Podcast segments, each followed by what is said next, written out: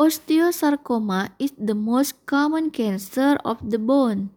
The most common types of soft tissue sarcoma are leiomyosarcoma, Kaposi sarcoma, malignant fibrous histo histiocytoma, liposarcoma, and dermatofibrosarcoma protuberans. Leukemia Cancer begins in the blood, forming tissue of the bone marrow mm, and call it leukemia. The cancer do not form solid tumor.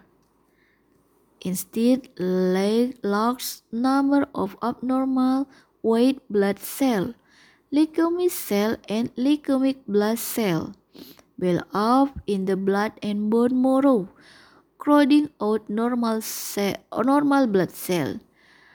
The low level of normal blood cell can make it harder for the body to get oxygen to its tissue, control bleeding, and fight infection.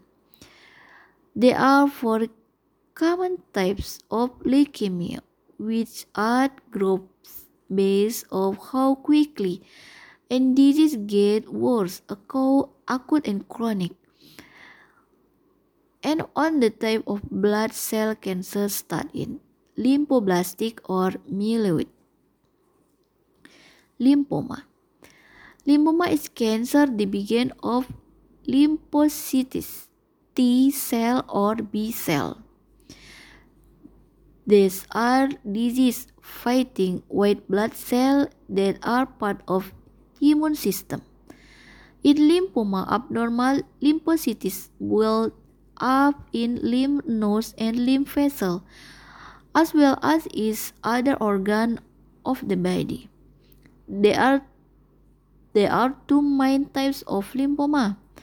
Hodgkin lymphoma People with this disease have abnormal lymph lymphocytes that are called Reed-Sternberg cell. The cell usually from B cell. Non-Hodgkin lymphoma.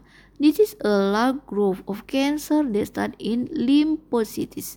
The cancer can grow quickly or slowly, slowly and it can form B cell or T cell. Multiple myeloma. Multiple myeloma is cancer that begin in plasma cell, another type of immune cell.